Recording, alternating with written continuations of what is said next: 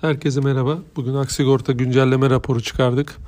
Ee, şirketin 2022 yılında 217 milyon civarında bir net zarar elde ederken 2023 yılında 795 milyon TL net kar elde etmesini bekliyoruz.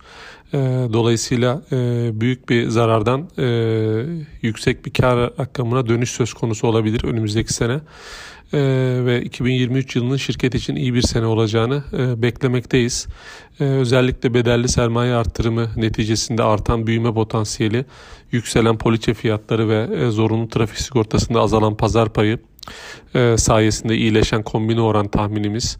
E, keza büyüyen portföy büyüklüğü ve yüksek getirili varlıklara yatırım yapılması e, sayesinde e, elde edeceği e, yüksek portföy getirisi hedef fiyatımızı 2, 2 lira 26 kuruştan 4 lira 52 kuruşa revize etmemize revize etmemizi sağladı. Hisse için tavsiyemizi de endekse paralel getiriden endeks üstü getiriye revize ettik.